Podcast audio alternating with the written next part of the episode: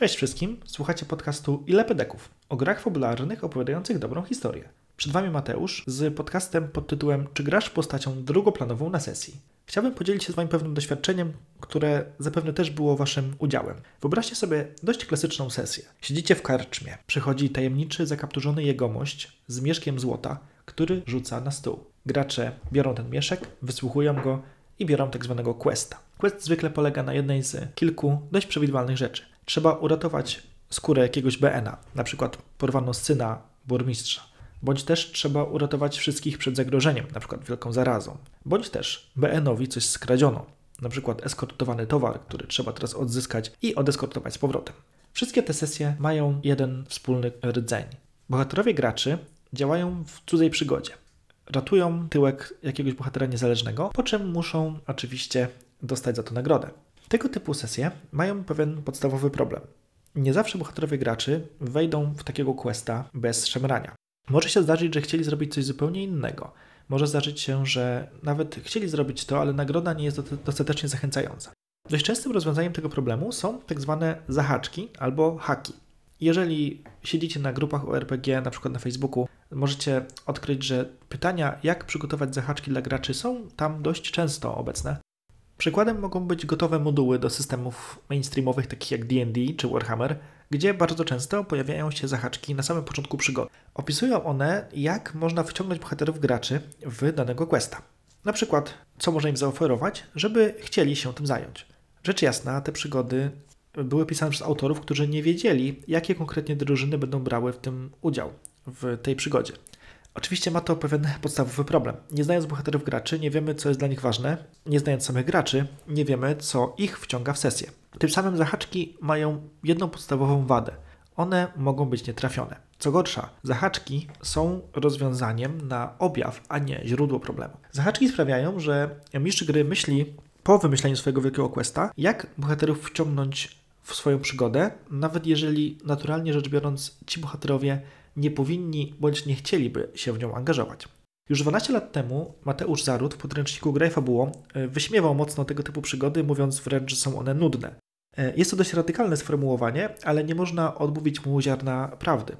Bohaterowie graczy wiecznie ratują cudze tyłki, bohaterów niezależnych przed zarazą, ratują cudzy dobytek, a nie swój. Mateusz zasugerował, że tak naprawdę to graczy należy uwikłać w przygodę, że to ich dobytek powinien być skradziony, że to ich syn powinien zostać porwany, bądź to oni powinni zostać dotknięci zarazą, z której muszą się wykaraskać. I teraz, co jest na to odpowiedzią? E, pytacie. E, otóż e, jest coś takiego, co nazywa się flagami postaci, bądź też wątkami postaci. Obie te rzeczy są nieco różne, dlatego pozwolę sobie spróbować je nieco dodefiniować. Wątki postaci to coś, co możecie znać na przykład z filmów albo książek. Character arc to pewnego rodzaju historia zmiany i rozwoju postaci postaci w filmie bądź w książce, ale podobnie możemy myśleć o tym w grze e, fabularnej. Character arc na sesji e, może wyglądać tak, że postać w toku kampanii ma jakiś problem, jakieś duchy przeszłości, z którymi się zmaga. Ma w związku z tym motywację, żeby wyruszyć ku przygodzie, żeby zmienić się, e, żeby odkryć jakąś prawdę o sobie i żeby pokonać te duchy przeszłości, żeby pokonać przeszkody, które sprawiły, że zechciała opuścić swój dom. Tymczasem flagi postaci są dość e, blisko, ale nie są dokładnie tym samym. Opisują one mm, pewne triggery do angażowania postaci w sesję. Flagi postaci mogą być na przykład cechą zewnętrzną, jak na przykład to, że ktoś wygląda groźnie i wszyscy się go boją. Ten gracz chciałby wchodzić w ciemne uliczki i wiedzieć, że typowe rzezimieszki będą chować się po kątach zamiast wyskakiwać na niego z nożem. Flaga postaci może też być cechą charakteru. Na przykład może to być nieugiętość ta postać nie chce e, w walce uciekać, nawet jeżeli teoretycznie musiałaby, bo mechanika by jej kazała. Z drugiej strony ma to też wadę. Ta postać może być nieugięta nawet w sytuacjach, w której elastyczność i e, odpuszczenie jest lepsze dla drużyny. Flaga postaci może też być jej motywacją i ważnym celem. Na przykład ktoś może e, grać klasyczny, oklepany, ale jednak wątek zemsty. W tym momencie realizacja tej zemsty będzie natychmiastowo triggerowała gracza do tego, żeby wpakować się w ten wątek i jeszcze cieszyć się od ucha do ucha. Na pierwszy rzut oka może się wydawać, że e, flagi postaci bądź wątki nie różnią się niczym od zahaczek. Też opisują metody angażowania postaci w sesję. Sęk w tym, że zahaczki są wtórne wobec przygody. najpierw mistrz gry bądź scenariusz gotowy tworzy wielkiego questa, a potem myśli, jak zaangażować w niego graczy. Flagi postaci są czymś pierwotnym albo tworzonym równolegle z przygodą. E, flagi postaci są zazwyczaj tworzone na sesji zero albo przed kampanią ogólnie pojętą. Gracze mają współudział w wymyślaniu ich, nie, jest to tajemnicza praca mistrza gry bądź autora scenariusza. I gracze mają kluczowy wybór w kontekście tego, co chcą, żeby ich motywowało, ponieważ to gracze to tworzą. Gracze tworzą taką flagę e, po to, żeby pakować się w sceny, które są z nią związane, bo ta flaga ich po prostu cieszy. Podam pewien przykład ze swojej kampanii e, dość dawnej. Podam Wam pewien przykład ze swojej kampanii. To była kampania Warhammera zakończona na czwartej edycji, choć zaczynaliśmy na drugiej, w trakcie się przesiedliśmy. Graliśmy na Mrocznych Ziemiach. Mroczne Ziemie to terytoria na wschód od Imperium, rządzone, jak niektórzy z Was może wiedzą, przez krasnoludy chaosu e, i generalnie terytorium dość opustoszałe. Był to typ kampanii survivalowej, gdzie gracze sformowali karawanę badawczą, która wyruszyła tam poszukiwać tajemnej broni do walki z chaosem, o której część z nich wiedziała, że może się tam znajdować. Jednocześnie, aby kampania była nieco głębsza i bardziej interesująca, stworzyliśmy wątki postaci. Każdy z graczy wymyślił, co konkretnie może jego popychać do ruszenia ku tej przygodzie. Były tam wątki takie jak odnalezienie zaginionego członka rodziny, owa oklepana zemsta, bądź też motywy takie jak poszukiwanie wiedzy e, ku e, pogłębieniu swojej e, mądrości. To był oczywiście wątek wysokiego elfa. Jeżeli chodzi o realizację tej kampanii, to można by powiedzieć, że obie te rzeczy się udały. Gracze dobrnęli do końca, zrealizowali wątek główny, odnaleźli pewne przesłanki ku temu, że broń do walki z chaosem może istnieć, a jednocześnie zrealizowali swoje wątki postaci. Zaginiona córka czy brat zostali odnalezieni, wątek zemsty miał swoją konkluzję, wątek poszukiwania wiedzy również. Natomiast po tej kampanii feedback, który dostałem, był dość intrygujący. A mianowicie gracze uznali, że ten główny wątek nie wybrzmiał dostatecznie mocno przez te wątki postaci. Uznali, że te wątki postaci go przećmiły, co dla mnie było pewnego rodzaju komplementem, bo w końcu współtworzyliśmy te wątki. Chodziło o to, żeby postacie graczy miały na tyle interesujące zadania w scenariuszu, żeby koniecznie chciały się w to zaangażować. Jednocześnie pojawił się zarzut o to, że najzwyczajniej w świecie główny wątek nie wybrzmiał tak mocno. Miałem więc refleksję, ok, to może spróbujmy zrobić tak, żeby nie dostać już tak kuriozalnego feedbacku, jednocześnie dobrego i złego.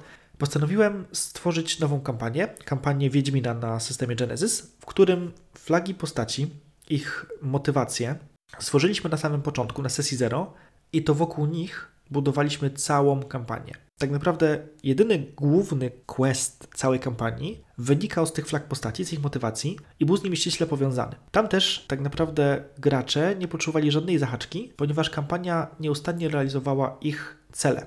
O tej kampanii opowiem więcej w późniejszych notkach i późniejszych podcastach, ponieważ jest to dość e, ciekawy i najświeższy w moim doświadczeniu mistrza gry przykład zastosowania flag postaci i świadomego budowania wątków postaci. Dlatego chętnie podzielę się z Wami tym, co mi tam zagrało, co nie zagrało. Być może też moi gracze wypowiedzą się na ten temat. Na koniec e, mała e, uwaga. Ten podcast nie ma na celu wartościowania różnych stylów gry. Są sytuacje, kiedy granie pod quest jest akceptowalne. Na przykład w najbardziej znanej grze RPG świata jest e, to pewna przyjęta konwencja. Gracze zazwyczaj są bohaterami, oni zazwyczaj są stworzeni do ratowania świata i pewien archetyp przygody w tym systemie zakłada branie questów po to, żeby pomagać bezbronnym i tenże świat ratować. Ten wielki quest jest tam po prostu immanentnie wbudowany w e, konwencję.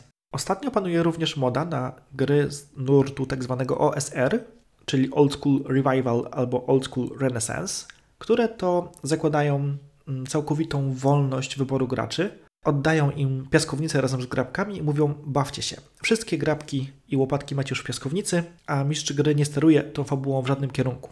Może się tam okazać, że wątki postaci nie są tam tak istotne, ponieważ nie są też potrzebne zahaczki, bo sama chęć eksploracji, odkrywania tajemnic, bogacenia się i pokonywania wielkich przeciwności jest dostateczną motywacją i ta kampania OSR-owa nie potrzebuje niczego więcej. E, nie wartościuję tych systemów gry. E, sam gram też w quasi-OSR-ową kampanię Forbidden Lands, e, a konkretniej prowadzę ją.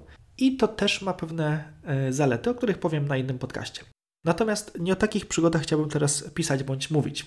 Wrócę do tego przy innych nagraniach. Tutaj chciałbym się skupić na ujęciu narratywistycznym w rozumieniu takim, jak opisał to Ron Edwards w swojej mm, teorii GNS, Chodzi zatem o historie, których głównym motywem jest opowiedzenie dobrej, angażującej, ciekawej historii, którą moglibyście z chęcią obejrzeć potem w kinie bądź przeczytać w książce. E, a to oznacza również bardzo mocne zaangażowanie w wątków postaci. To, żeby te postacie miały mocną motywację wejścia w tę przygodę i żeby ta przygoda jakoś ich zmieniała. Na lepsze bądź gorsze, to się okaże. Natomiast, żeby ona nie postawała im obojętna.